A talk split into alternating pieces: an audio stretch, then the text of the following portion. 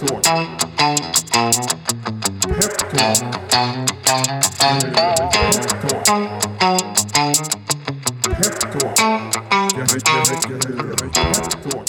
Då säger vi äntligen måndag och varmt välkomna tillbaka till eh, podden Peptalk och när jag säger tillbaka så menar jag välkommen tillbaka till dig Dan, andra veckan. Jajamensan, Du hittade tillbaka hit. Det gjorde jag och idag ska vi bränna av Peptalks bästa avsnitt hittills. Eh, Oj! Det är i alla fall min plan och tanke. Du, eh, jag tycker det är en, eh, en bra ribba. Förra veckan Dan så drog både du och jag två sanningar och en lögn som våra lyssnare skulle få gissa på. Och så här lät det. 1. Jag har sprungit över fem ultralopp, alla 10 mil. 2. Jag har spelat eh, landslagsinnebandy för Japan. Och tre, Jag är alltså på riktigt allergisk mot alkohol. Ja men då, jag drar de som, eh, som jag drog på Unga Aktiesparets kick-off då och eh, då var mitt första påstående eh, att mitt största innehav i min portfölj är Peppins. Eh, det andra påståendet var att min sämsta aktieaffär någonsin var klädbolaget WeSC, inte Wesk. Eh, och att jag har ägt Betsson sedan 35 kronor. Eh, och när jag menar 35 kronor så menar jag typ när den kostade 35 kronor 2010 eller något sånt där. Och då undrar ju Dan, vad är rätt svar här? Mm. Så om man tittar på de två sanningarna och eh, den lögnen så är den rätta lögnen att jag har inte sprungit något ultralopp alla 10 mil. Däremot så har jag anmält mig till Ultravasa 90 nästa år. Vi får se om det var en bra idé eller en dålig idé. Och jag kan Så känna, du ska springa det vanliga Vasaloppet? Då? jag tycker att det vore kul med en gemensam utmaning för oss Filip. Nej, alltså jag har ju aldrig sprungit mil i hela mitt liv. Och det här är ju bara en mil gånger nio. eh, och någon gång måste bli den första. Eh, om vi går över till dina lögner, vad hade vi och vad var sant och vad var osant? Ja men eh, här var det så att det första påståendet var att mitt största innehav är pepping så det stämmer. Den sämsta aktieaffären var WSI eh, och det stämmer också. Eh, det kan ha varit Petrogrand med. Gjorde någon, eh, tog något tips från en kompis där som inte blev så bra heller. Men jag tror faktiskt att det är WSI. Bygger mycket på det också för att jag agerade väldigt tokigt. Eh, Sista påståendet var att jag ägt Betsson sedan 35 kronor och då kan man titta idag på grafen och tänka så här, ja det är väl inget ballt. Men då menar jag 35 kronor typ 2010. Eh, och jag köpte Betsson eh, 2010, tror jag att det var på 35 spänn. Eh, men eh, jag sålde den sen på kanske 120 eller något sånt där. Så det var lögnen. Jag äger fortfarande inte Betsson. Sen då så undrar vi såklart eh, följetongen här, eh, kanske blir en följetong. Hur har det gått med bilen? Det har inte gått alls med bilen. Eh, kvar hos verkstaden i ytterligare, jag tror att de sa ungefär åtta eh, veckor. Så vi får nog ha kvar den som en liten följetong. Och vill ni höra mer om vad som hände med min kära lilla bil så kan ni lyssna på det senaste avsnittet.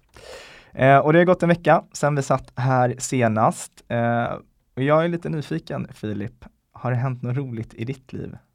Eh, ja, det tycker tycker jag. Hyfsat i alla fall. Det var väldigt kul att kicka igång den här, eh, den här podden och, och eh, eh, men, men mellan att vi spelade in förra gången och att förra podden kom eh, så var det en lördag och då satt jag hemma i soffan och så kollade jag på när mitt kära Djurgården då förlorade mot eh, SHL, då är vi inne i, på hockey, mot SHL-nykomlingen Oskarshamn eh, och, och deras tröjor Oskarshamn, eh, de pryds av en sponsrad logga som tillhör ett bolag som handlas på alternativa listan. Kan du gissa vilket det är? Nej, Det- inte en susning. Den är tuff om man inte tittar jättemycket på hockey. Eh, eller har koll på alla Oskarshamns eh, bolag. Det är eh, bolaget Elajo, eh, eller Elajo har jag hört någon som också uttalar det, så jag är faktiskt lite osäker på, på hur man ska säga. Ni får gärna rätta oss. Hur som helst då, jag satt i soffan med min bror och vi var så här hyfsat besvikna då efter den här förlusten mot nykomlingarna.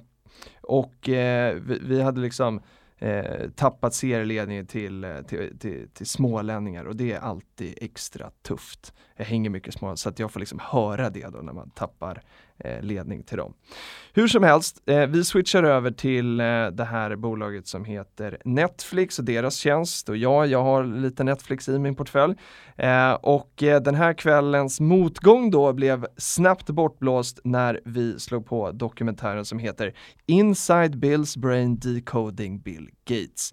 Eh, Fantastisk alltså. Tre gånger 50 minuter så liksom sitter jag helt klistrad eh, och eh, jag liksom så klistrad så att när jag tittar på mobilen efter de här timmarna så ser jag ett ungefär tre timmar gammalt sms från dig eh, och eh, där du berättar vad du gjort i helgen och sen så eh, säger du att du har en rekommendation till mig och det är att titta på den här Bill Gates dokumentären. Ja, gisses vad bra den är alltså. Den var, den var riktigt bra. Eh, jag brukar vara dålig på att låta mobilen ligga, ligga borta, men här blev det faktiskt så.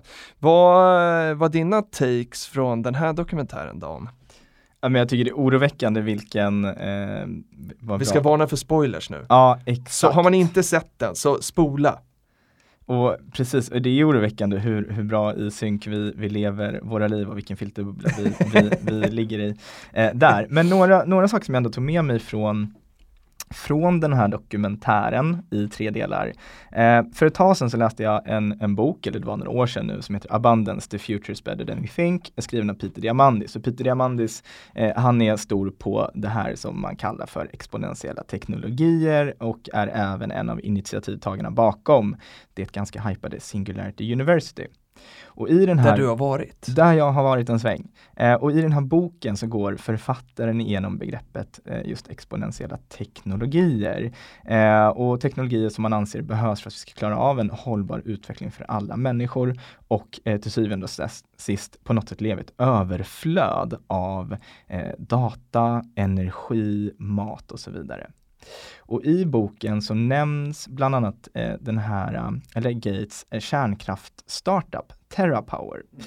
Och eh, vart vi får framtidens energi ifrån, det är en så otroligt viktig fråga. Och från det här så tar jag med mig såklart hur laddat kärnkraft är som ämne, men också hur geopolitiken kan och faktiskt komplicera den omställning som vår planet behöver göra. Och jag hade egentligen, jag hade två A och två B här. Eh, dels så eh, tyckte jag att det var jättespännande och roligt att se eh, dels vad Bill Gates har haft för roll i, i, alla sina bolag, men också Melinda Gates, alltså hans fru. Hon kom in som en av de första anställda på, på Microsoft och hade plockat hem sina examen eh, flera år innan de andra toppingenjörerna som kom in. Eh, det tyckte vi var intressant att lära mig mer om, men också vilken optimism, vilja och drivkraft som Bill Gates och Melinda Gates sitter på och hur det här eh, ganska ofta kan ligga på gränsen till en manisk nivå. Eh, men det är kanske det som krävs för att faktiskt vilja eh, och klara av att förändra världen. Och jag har hört ett rykte om att du har varit på deras center, alltså Bill och Melinda Gates Foundation. Ja men exakt, de har ju i Seattle då eh, som ligger i Washington State i USA så, så finns det ett, eh, jag, jag, tror att de har hela sitt liksom headquarter-område där, det var känslan i alla fall, men jag har varit där ett par gånger eh, och två gånger besökt deras eh, eh sånt här center då som man får gå in, jag har för mig att det var gratis, eh, så man får gå in och titta på alla initiativ de har gjort och läst jättemycket om, om polion som de har varit med och jobbat bort och sådär. Eh, får man också höra i den här dokumentären visserligen. Eh, när jag var där senast så rullade det också en, en, film med Hans Rosling. Det här var nog, ja det var före Hans Rosling gick bort. Eh, men då blev man lite stolt som svensk också där och känna att så här, ja, Hans Rosling han, eh, han gjorde mycket för den här världen. Och hans bok eh, Factfulness är en bok som Bill Gates ganska ofta rekommenderar. Jag såg också en annan svensk bok i dokumentären, eh, Liv 3.0 av vår eh, svenska Max Tegmark som handlar om artificiell okay, intelligens. det missade jag. Också en läsrekommendation. Vi mm. lämnar inga andra rekommendationer, men lite läsrekommendationer kan vi väl få ge. Det kan vi göra. Eh, och sen så eh, sista då jag tar med mig. Eh, jag tycker att det är fascinerande att se vad som händer när man eh, eh, tar en disciplin, i det här fallet då kanske ingenjörskap eh, och erfarenhet från att bygga ett bolag, ett ganska stort sådant, Microsoft, och applicerar det i en helt ny disciplin. och den här disciplinen för Bill Gates då att lösa några av våra största världsproblem. ett särskilt sådant exempel som jag tyckte var intressant var hur de använde den, ja, men liksom den nyaste satellitteknologin och väldigt avancerad statistik för att förutse spridning av eh, polio, eh, polio eh, i eh, Nigeria. Eh, och utifrån det också, vad är det han fokuserar på när han tar sig an då sin filantropi eh, och vad är det han har fokuserat på när han applicerar eller utför sitt bolagsbyggande? Optimering. Mm. Han vill verkligen optimera allt. Så det var några saker som jag tog med mig. Men en annan sak, en annan karaktär som dök upp i, i den här dokumentären. Eh, Steve Ballmer, för detta vd på Microsoft. Eh, det finns eh, många olika åsikter om hur bolaget utvecklades under hans period. Men en sak som han har skänkt till världen, det är ett fantastiskt YouTube-klipp när han kliver in på scenen under en konferens. Har du sett det? Jag har sett det många, många gånger. Men, men när vi pratade om det här så berättade du detaljer i den här som jag aldrig har lagt märke till. Eh, du kan väl berätta det innan, eh, nu, kom, nu är det här radio, så vi kommer bara få spela upp det och höra. Men man kan ju gå in och kolla på YouTube också så kommer man få se det här. Vad är det man ska titta efter? Precis, i den här, eh, det här filmklippet då på YouTube, om ni söker på I love this company och Steve Ballmer så kommer ni också hitta det. Så springer han upp på scenen och, och han ska försöka peppa publiken här. Det har kanske inte gått så bra för Microsoft eh, de senaste kvartalen. Och springer runt och skriker och mitt i det här så stukar han foten.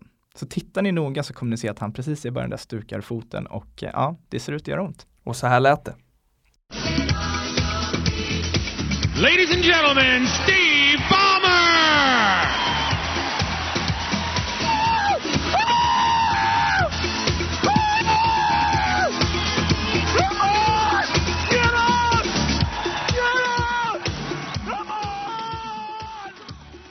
Bra, nu har vi fått lite energi av Steve Bolmer här. Vad, vad tar du med dig för eh, insikter eller ref reflektioner från de här tre delarna av dokumentären om Bill Gates, Filip? Eh, mycket, men jag har försökt sammanfatta det i eh, tre punkter och den första punkten var min fascination och avundsjuka på Bills förmåga att läsa. Eh, och här, jag ska vara helt ärlig här, jag, jag har ju Eh, ett lite svårt förhållande till att läsa. Jag, här, jag älskar idén men jag längtar sällan efter det. Eller jag, jag längtar efter idén om att eh, liksom göra det, eller ha gjort det kanske. Eh, och, och, ofta infaller det kanske på semestern som jag faktiskt eh, gör det. Jag är lite dålig på att ta med tiden helt enkelt och eh, det innebär ju att jag läser mycket, mycket mindre än, eh, än vad jag vill. Ja, och, eh, precis. Jag vet att i våras så kom du till mig med en post-it-lapp ja. med fem böcker på. Så sa du Dan, de här, de här böckerna ska vi läsa. Mm. Hur har det gått där? Nej men det har ju gått eh, inte jättebra. Jag har eh, eh inte slutfört den första. Eh, och eh, jag fick ju de här av Peppins grundare Anders Sjunnesson. Eh, och man, jag pratade med honom om det här igår och också om den här dokumentären Eh, och då, då förstår man att det finns väldigt mycket av det han har berättat för mig om, eh, om det man lär sig i de här fem böckerna. Vi kan eh, länka, eller vi kan, vi kan återkomma till dem, vi kan mm. prata om dem i ett avsnitt. Eh, och eh, ja, men med Anders sätt utifrån de här böckerna hur man ska eh, ta sig an och hantera eh, saker eh, kopplat till hur Bill gör det. Jag kände igen väldigt, väldigt mycket. Så när jag tittade på den här så fick jag liksom, det var som att Anders eh, var bredvid mig och bara Filip, det är precis det här jag sagt till dig, börja läs nu. Kan, och jag vill, kan du faktakolla mig på den här? Mm. Om jag uppfattade det rätt, det var någon i dokumentären som sa att Bill Gates kunde läsa och eh, syntesera 150 sidor i timmen, alltså två och en halv sida per, per minut. Det är ganska högt tempo. Ja, det är enormt högt tempo. Eh, ja, det, det, låter som att det inte är otroligt när det är Bill. Nej. Vad hade du mer då? Ja, men nästa eh, handlade om att Bill reflekterade, och det här är också en, en eh, sån här Eh, Eh, Peppins grundare Anders eh, grej som, jag, som han har varit på med om att Bill reflekterade över att man inte kan göra tusen grejer samtidigt. Det låter ju rimligt, eh, svårt att göra i verkligheten. Utan man ska liksom välja vad man ska fokusera på och tänka på det ordentligt. Hitta några saker och tänka ordentligt på dem. Eh, och eh, här blir det någon liksom, eh, panik i kroppen för att då blir det så här, men hur ska vi då lyckas skala av alla våra upplevda obligations, det vi tror att vi måste göra och som andra förväntar sig. Eh, det är en fråga som vi kan ta med oss. Och sen gillade jag idén som Bill gjorde med, eller det han faktiskt praktiserat, han körde någonting som jag tror att han kallade tankeveckor, där han drog till ett lakehouse, säkert någonstans i Washington State, eh, med en trave böcker och så skulle han vara där och liksom läsa och sova och tänka. Eh, det tyckte jag var eh, väldigt häftigt. Sista som jag tar med mig, och du har varit inne lite på det, det är också förstå, eller förståelsen vet jag inte, men insikten om politiska risker. Eh, och här exemplifierades det av då hur, eh, hur det här gänget med visionärer och Bill Gates eh, i spetsen av dem skapa, har skapat det här Terra Power som ska liksom förändra världen med kärnkraft. Eh, 2017 så gör då TerraPower en deal med China National Nuclear Corporation eh, för att man ska hjälpas åt och samutveckla. Och om jag förstod det rätt så hade man liksom bett USA om tillåtelse för att föra de här samtalen. Eh, men eh, sen eh, märker vi här då att det här har ju kanske inte kunnat fullföljas på det sätt som man har önskat på grund av de här handelskrigen som pågår mellan USA och Kina.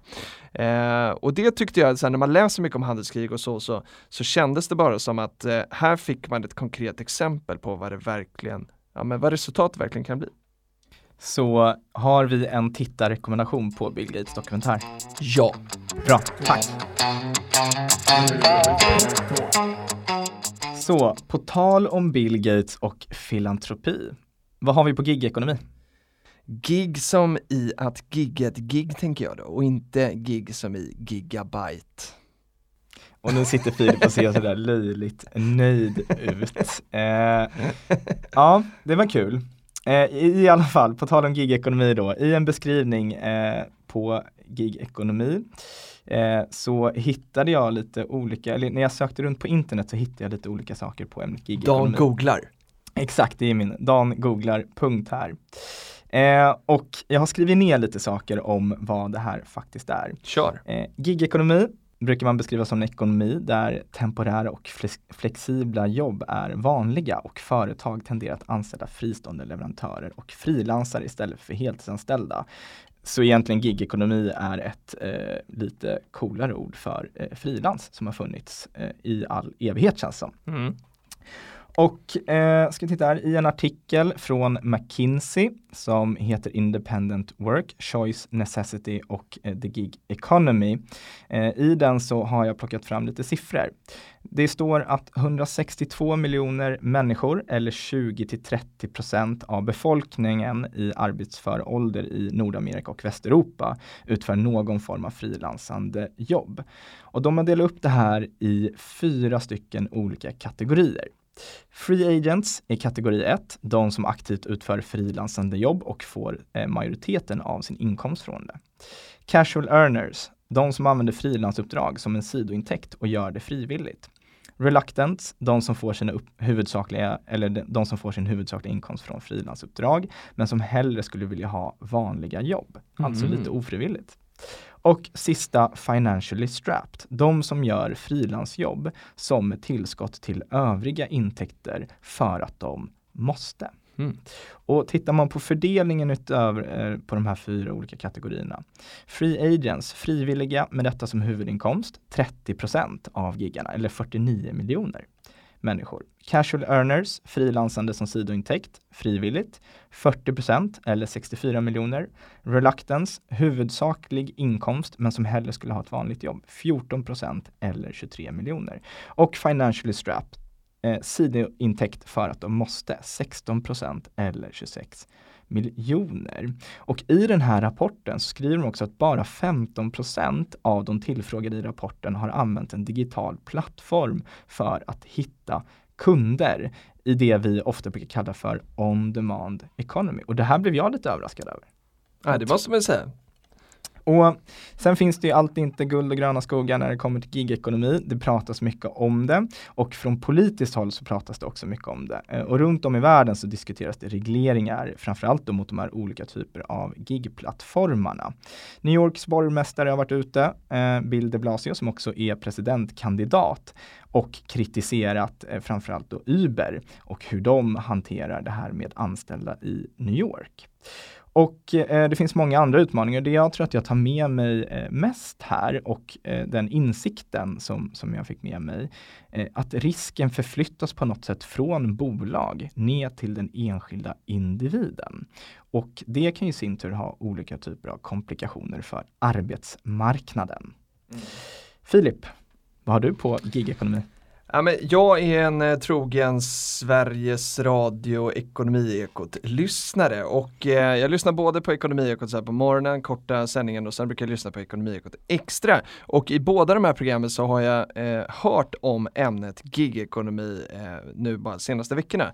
Eh, och först då i Ekonomiekot Extra den 30 19 september där Maria Norbeck som är lektor vid Handels i Göteborg eh, hördes i det här avsnittet och hon menade att trots att det finns liksom en hype om det här plattformsjobben eller de här plattformsjobben eh, så är det få som kan livnära sig på det.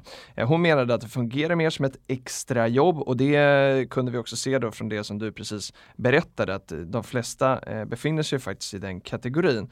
Eh, och hon säger sen i visserligen att eh, framtidens jobb kommer vara mer marknadsdrivna och att det kommer bli vanligare med mer korta jobb där man kanske gör någonting vid extra, eh, eller extra vid sidan om sin anställning.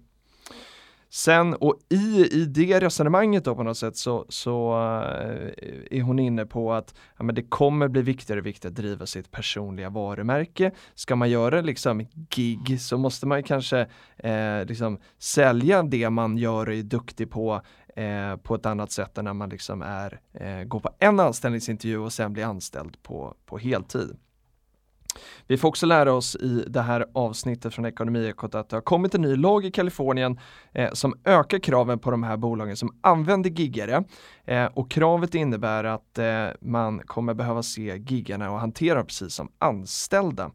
Eh, och eh, en miljon giggare då i Kalifornien, många, jag häpnades lite av det, eh, ska alltså få minimilön. Sen hörde jag vidare i Ekonomiekot den 24 september att AstraZeneca, de dissade gigekonomi lite grann eftersom de menade att eh, de behöver personal som har varit på plats under en lång tid för att kunna hantera jobbet. Eh, och jag gick faktiskt tillbaka och lyssnade på det här sen och då hörde jag att de hade liksom anställt väldigt, väldigt många som hade varit inne på konsultbasis, konsultbasis och fastanställt dem. Eh, och det tyckte jag kändes som att men här går man emot trenden lite grann. Mm. Men skulle du kunna vara giggare då, Filip?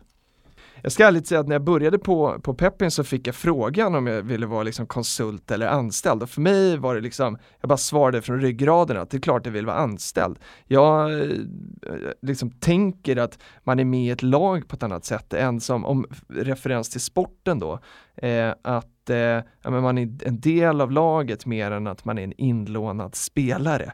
Eh, för den känslan har jag nog bara haft eh, kring det. Eh, och det är säkert inte rationellt överhuvudtaget, men det är bara min spontana känsla. Skulle du, de som driver bolag, kunna tänka dig att ha giggare istället för anställda? Ja, men till vissa typer av funktioner och vissa typer av projekt eh, så skulle jag nog kunna tänka mig att ha det. Vi, vi, eh, när vi lägger upp nytt content och sådär och har eh, blogginlägg som ska pr produceras löpande, då har det hänt att vi tagit hjälp av olika typer av giggare. Men jag mm. tror att när det kommer till kärnkompetens i bolaget, alltså vad vi verkligen behöver vara bäst på, mm. då av någon anledning så föredrar jag att ha de anställda hos oss med allt vad det kan ge för den anställda i form av trygghet och så vidare. Och det, jag tror att det är som du säger där, det finns någonting mentalt mm. i skillnaden att eh, attestera en faktura mm. eller att attestera en lön. Ja, bra. Mm. Men, men alltså, och, vad, om vi bara ska grotta i det lite grann, vad, varför är det så? För att jag menar om du hade en giggare hos dig som var där på, ja men det kan ju till och med vara eh, 100% i din värld eh, och sen gör den eh, ytterligare någonting liksom vid sidan om eller så gör den bara det liksom på 100% vad är egentligen skillnaden? Alltså när, när, man, ju mer man tänker på det så blir det bara liksom irrationellt att känna på det sättet. För att jag menar, vi har ju konsulter på, eh, på Peppins också och jag ser ju inte på dem på ett annorlunda sätt än vad jag ser på någon som är liksom anställd. Eh, man är alla där liksom i, i samma team. Så att egentligen makes the no sense, men det är någon känsla bara. Precis, och det går ju att även i konsultavtal skriva ner villkor som, som blir mm. på något sätt anställningsliknande. Så att, jag vet inte riktigt eh, vad det är i den, den mentala delen. Och å andra sidan, jag tänker mig att det är ju likadant för, för ja, som du beskriver då, för den, den anställde.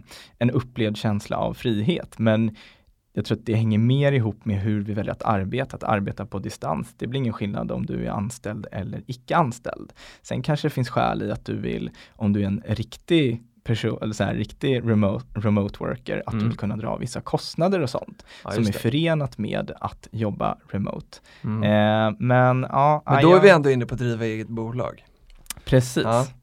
Så ja, nej men jag jättegärna anställda. Jag jobbar med giggar också, men av någon mental anledning så det känns tryggt att uh, kunna erbjuda en anställning. Ja. Vi får väl se hur, eh, om det liksom förändras över tid. Vi kan ju återkomma till den frågan. Men jag tänker Dan att vi ska göra precis som, eh, som vi gjorde förra veckan. När vi sitter och spånar om grejer som amatörer eh, så är det dags att klippa och eh, ringa upp ett, eh, ett proffs. Vad tror du om det? Det låter som en superbra idé. Och då tänker jag så här att vi ska ringa till eh, Steven Chad som är grundare och vd för Frilans Finans och höra vad han har för take på, eh, jag säger take för mycket, det är okej, du kommer nog bli förlåten för det. Ja, jag hoppas det. Eh, vad han har för take då på gigekonomi. Eh, och då kan man ju fundera på vem är den här Steven då? Och det ska jag berätta för dig. Steven började sin resa på 90-talet när han hjälpte artister som giggade med att sköta allt omkring liksom själva giget. Det kunde vara då bokföring eller bokning. 1999 startade sedan Frilans Finans och förra året så omsatte de över 20 000 egenanställda giggarna dryga miljarden. Så de firar alltså 20 år i år och då måste vi ringa, inte minst för att gratta. Det vad säger du då? Bra, vi ringer Steven. Hallå? Hej Steven och varmt välkommen till eh, podden Peptalk. Ja, hej! Trevligt att få vara med. Hej Steven, Dan här också. Eh, vad gör du en fredag som denna? Ja, vi har precis avrundat vår årliga konferens som handlar om eh, våra aktivitetsplaner som sen eh, är länkade till den budget som det kommer att bli, ja, som vi kommer att fastställa sen i december någon gång. Så vi har helt enkelt planerat för 2020 eh, och så. Hela, hela organisationen har samlats här ute utanför Uppsala på en liten konferensanläggning. Gud vad trevligt! Ni har ju, Mm. ni har ju hemmaplan i, i, eh, i Uppsala, eh, vet man om man har läst på lite om er. Men idag ska vi prata om, eh, eh, om gigekonomi. Vi har ju pratat mycket om gigekonomi hittills i det här avsnittet och eh, min första fråga till dig är om gigekonomi bara är ett nytt och bassigare uttryck för frilans eller om du upplever att det finns någon skillnad? Eh, ja, alltså begreppet gigekonomi tycker jag är jätteproblematiskt därför att det, det finns otroligt många idéer om vad det egentligen avses och vad som, vad som menas med det. Vilka, vilka typ av arbeten eller vilken typ av anställningar räknar man in i det? Eh, jag tycker så här, det som förenar oftast det när man, när man hör pratas om gigekonomi, det är att människor jobbar från A till B. Eh, alltså att man jobbar uppdragsbaserat. Jag skulle säga att om man tänker det som en uppdragsbaserad arbetsmarknad då tror jag att då, då får man liksom mera, liksom mera empiri i hela, hela liksom frågeställningen. Just det. Och då tolkar vi det Ja. som att frilansfinans inte kommer byta namn till Gig Finance. N- nej, det kommer vi inte göra utan eh, ja, vi, vi har ju också ett namn som är, i- i- egentligen gammalt och eh, ja, vi, vi firar ju 20 år nu så det har ju sina år på nacken. Men även frilans är ju egentligen lite väl avsmalnat för vi har ju massvis med andra typer av yrken eh, och, människor som jobbar som inte liksom är traditionella frilansare om man säger som så. Men vi har ju alltifrån läkare till till jord och skogsbruk. Så att, eh, men så är det, man, man får leva med sin historia och den är vi också stolta över. Så, att, ja, så det är väl lite otidsenligt men ja, så, har det råkat blivit. Vi får ju passa på att säga grattis på 20-års, eh, 20-årsåret. Jag vet inte om det är exakt dagen, men grattis! Ja, det är snubblande nära tror jag, 29 september så då, då är väl det, var väl då sen så, det växte ju fram organiskt och egentligen finns det ingen exakt dag när, när när liksom frilans föddes. Men, men det var någon, vi brukar säga det, för det var någonstans där det, det första bolaget registrerades den 29 september för 20 år sedan. Spännande. Och gigekonomin Mm. är ju ett ämne som är, som är väldigt trendigt just nu känns det som. Och för vem Mm. skulle du säga att gigekonomin eller frilansuppdrag passar och för vem passar inte? Går det att göra en sån eh, distinktion? Ja, det, det tycker jag man kan göra ändå. Man kan väl säga så här att eh, det handlar ju någonstans om eh, att eh, helt enkelt det handlar om ens tror jag, finansiella situation är ett perspektiv som man ska ha i åtanke. Att är man i en sån situation att man har väldigt beroende av en stadig inkomst för att man råkar vara i den delen av livet. Ehm, då tror jag att man kanske ska söka sig till en traditionell anställning. Ehm, men sen när man då får möjlighet i livet att pröva sina vingar och, och ja, pröva på att jobba med, med olika saker Ehm, då tycker jag absolut att man ska pröva att, att jobba inom så här gig-ekonomi då, eller uppdragsbaserat arbete.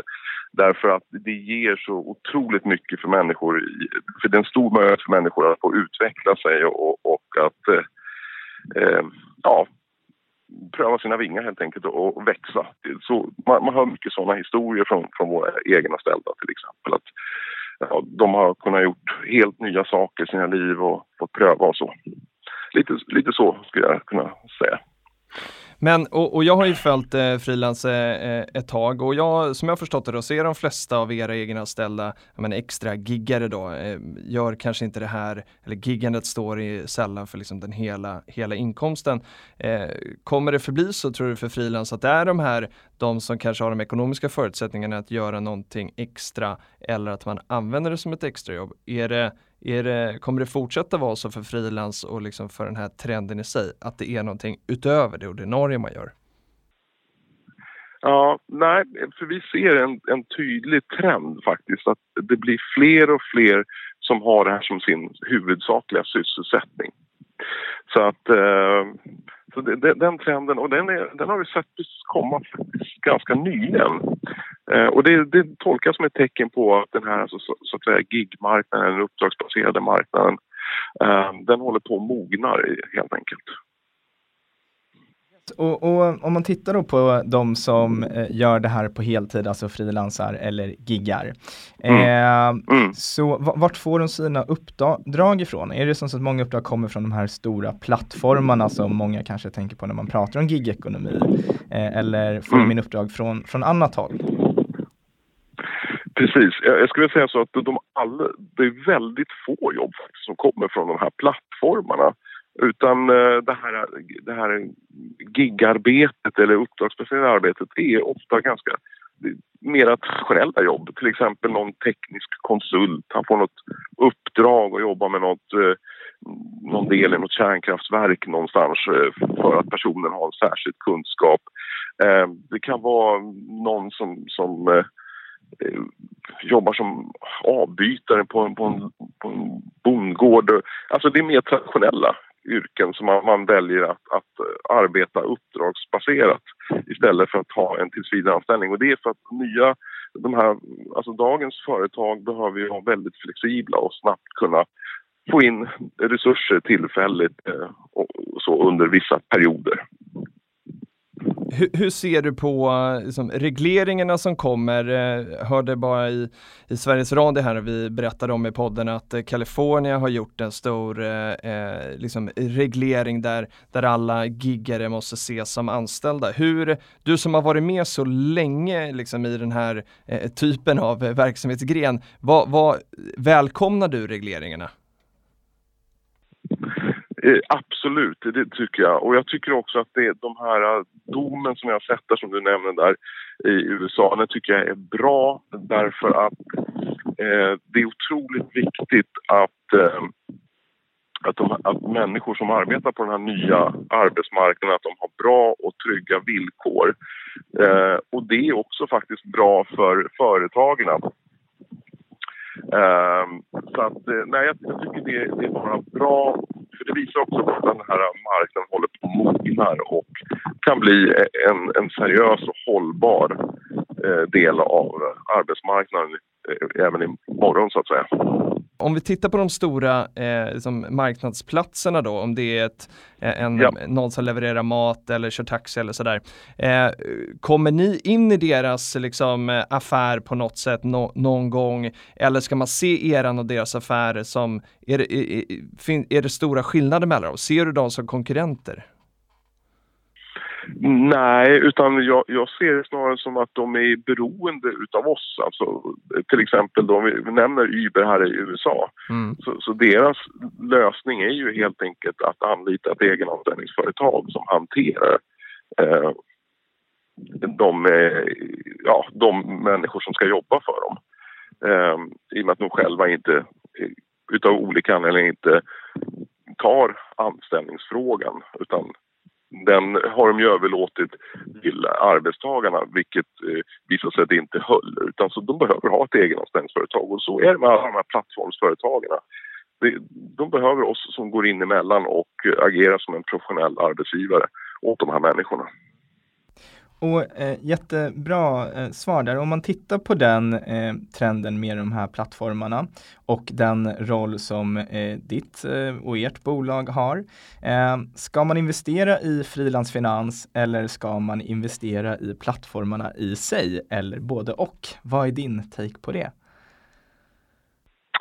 Alltså jag skulle nog säga som ja, jag är ju part i målet så, så naturligtvis kommer jag ju säga frilansfinans. Men om jag då skulle liksom ha ett objektivt eh, perspektiv på det hela.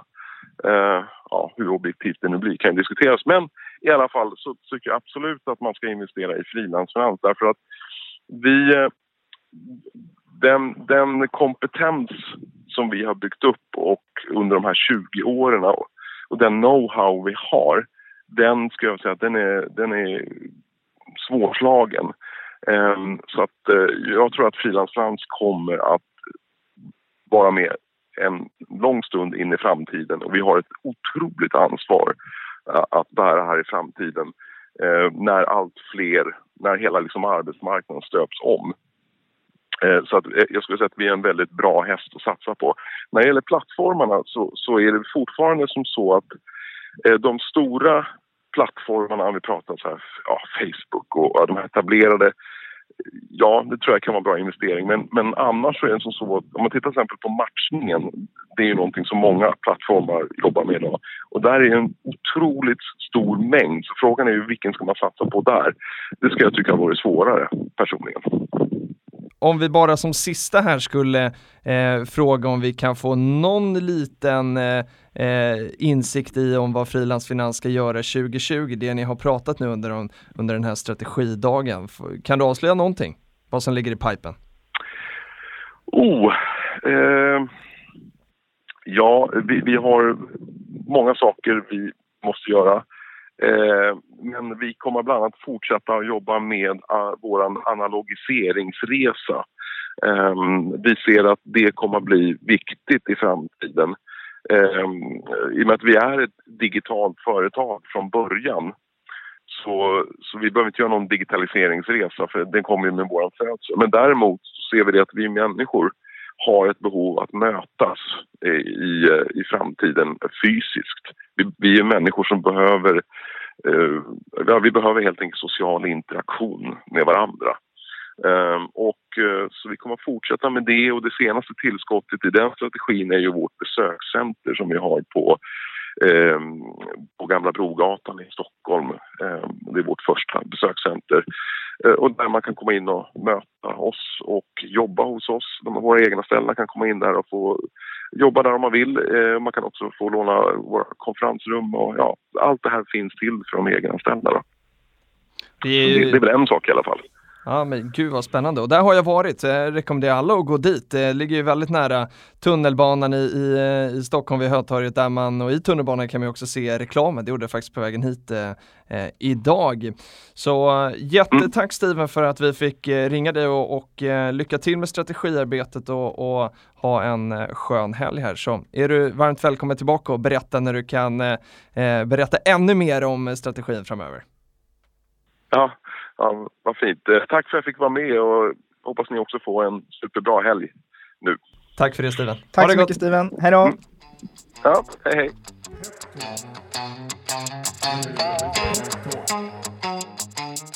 Ja, Filip, vad, eh, det var ett bra samtal med Steven. Vad tog du med dig från det där? Ja, men jag tycker att eh, ja, men det är intressant att höra hur, eh, när man pratar om någonting som är så bassigt idag, så är det ju väldigt intressant att prata med någon som har jobbat med det här så pass länge som han har gjort. Eh, och en grej som jag tar med mig i det är att eh, han välkomnar den här liksom, regleringarna, eh, att det ska liksom jag vet inte om, om, eh, om det är för att det ska uppfattas seriöst eller att det ska bli liksom, ja men det, jag tror som den marknadsledare som frilansfinans är här, eh, så, så känns det som de har råd att välkomna eh, regleringar på något sätt. Vad mm. tycker du? Nej men jag, jag, jag håller med dig och eh, någonting som jag tog med mig i det här var ju delvis att han sa att väldigt få jobb för eh, frilansfinans eh, eh, kunderna, ska säga, kommer från, från de här stora plattformarna, utan det är mer traditionella typer av jobb. Samtidigt som de här eh, plattformarna, om det är delivery services eller vad vi nu pratar om, är beroende av att jobba med sådana här egenanställningsföretag och då blir Mm. såklart en fråga vad eh, eller vilka bolag är det som vinner dem som kunder och hur funkar det? Eh, någonting annat som jag tyckte var intressant det var när Steven pratade om eh, analogiseringsresan, de är redan de är liksom, eh, digitala som, som native och behöver inte eh, fokusera särskilt på den resan. Men eh, däremot behovet av att möta fysiskt, det är någonting som jag verkligen kan identifiera mig i. När jag jobbat hemifrån i ett par dagar så kan jag få lite av social panik eh, och träffar inte en människa. Eh, så ja, men den, den, den köper jag rakt av, Mm. värdet av att träffas och det behöver inte vara att man vill sitta och prata med massa människor hela dagen utan bara för att gå till en kaffemaskin och ha Mm. lite människor runt omkring sig. Det kan jag tycka finns ett stort värde i. Och det känns som att eh, det fanns en poäng där med att de har ju öppnat den här eh, besökscentret då på Gamla Brogatan här i Stockholm nära eh, Hötorget och eh, jag har ju varit där ett par gånger och ja, men, i ett så här butiksläge liksom att ha ett kontor där man kan liksom eh, man kan slinka in och sätta sig en stund och som du säger ta en kopp kaffe om man är på väg till ett möte och sådär. Eh, och eh, nu är det till för egna ställen, inte för mig, men jag har smugit in ändå och jag tror att det är helt okej att den som är nyfiken går dit och eh, tar en kaffe och ställer ett par frågor. Så att, äh, men jag tyckte det var eh, en intressant eh, take eh, och välja ett sånt här eh, retail-läge för, eh, för ett sånt här typ av eh, bolag. Tar också med mig trenden i att eh, de ser att fler och fler väljer att använda den här eh, ja, men liksom sättet att vara anställd på för större del av sin sysselsättning. Det är inte bara ett extra gig längre sådär, utan eh, ja, men de ser att det blir fler och fler. Eh, tror du den trenden kommer hålla i sig Dan? Det tror jag verkligen och som vi pratade om tidigare här också så eh, trenden på frilans och gig, eh, tillväxten där, den är, den är stark. Så att ja, jag tror att det här är ett av många case i den ekonomin som kan vara värt att kika vidare på. Precis Dan, och för den som är nyfiken att lära sig mer om frilansfinans så finns det ett helt avsnitt med Steven här i eh, Peptalk. Eh, vi kan faktiskt länka till det i avsnittsinformationen här också. Och sen går det ju såklart bra att följa dem löpande på Stakeholders Club på peppins.com. Nästa handelstillfälle om man är nyfiken på eh, antingen köpa eller sälja, det kan man göra på marknad, eh, så har man möjlighet till det den 4 till 9 december. Då Dan, då eh, ska vi eh, börja avrunda det här avsnittet. Och eh, jag tänkte vi skulle börja med eh, ta veckans eh, fråga eller kommentar för det här är inte riktigt eh, det här är inte riktigt en, eh, en fråga. Men kom i alla fall från Per Larsson som kommenterade på Stakeholders Club och så skrev han så här att som aktieägare i Peppins, Garpco och Spiltan tycker jag att avsnittet täckte många av mina intresseområden. Jättekul att Dan är med också, klok, driven och har integritet. Tycker att det hade varit på plats att nämna att Dan vann Solos pris i entreprenörskap framröstad på Spiltans årsstämma 2018. Ser fram emot nästa avsnitt. Jag vill ta med det här för man- man blir så glad när man läser det här och jag, jag håller helt med. Det är väldigt kul att ha med det här Dan. Det är svinkul att vara här och framförallt när så snälla människor som Per väljer att skriva att jag har integritet. Det tycker jag om. Jag tycker, eh, ja men liksom från att ha lyssnat på ett avsnitt och liksom koppla det till att eh, för det kanske är första gången han eh, hör dig, om man inte såg dig på Spiltan-stämman där när du pitchade dig själv och eh, sen då vann Solos pris. Eh, så eh, ganska häftigt att plocka upp att man uppfattar att någon har integritet. Mm. Eh, vi tar såklart jättegärna emot fler kommentarer, fler frågor som eh, ni vill att vi ska besvara i den här podden. Eh, och hur gör man då enklast Dan? Man kan mejla på peptalk.peppins.com eller skriva till oss på sociala medier och då är det att join peppins på Instagram och Twitter som gäller. Exakt. Jag försökte eh, knipa att peppins bara, men den är upptagen. eh, knepigt med det där med join. Men, men eh, man är så välkommen. Sen då tänker jag att vi ska köra en liten disclaimer på slutet. Yes. Känns viktigt va? Eh, och eh, då vill jag bara säga så här då att den här podden produceras då för Peppins och inget av innehållet i den här podden ska ses som finansiell rådgivning. Investeringar i aktier är förenat med risk som innebär att man kan förlora delar eller hela delar av det investerade kapitalet. Eh, och i det här avsnittet då så har vi intervjuat Frilans Finans och de här handlas ju då på Peppins Market eh, och eh, då ska vi berätta att eh, jag då Filip äger aktier i dem. Gör du det Dan? Jag äger inga aktier i dem och de enda rekommendationerna som vi gett i det här avsnittet är avsnittet är dokumentären om Bill Gates på Netflix och boken Abundance av Peter Diamandis. Och de står vi för. Det står vi för. Ja, det gör vi verkligen. Du Dan, eh, stort tack för idag. Tack alla ni som har lyssnat. Vi hörs igen om en vecka. Hej då! Pep Talk. Get it, get it, get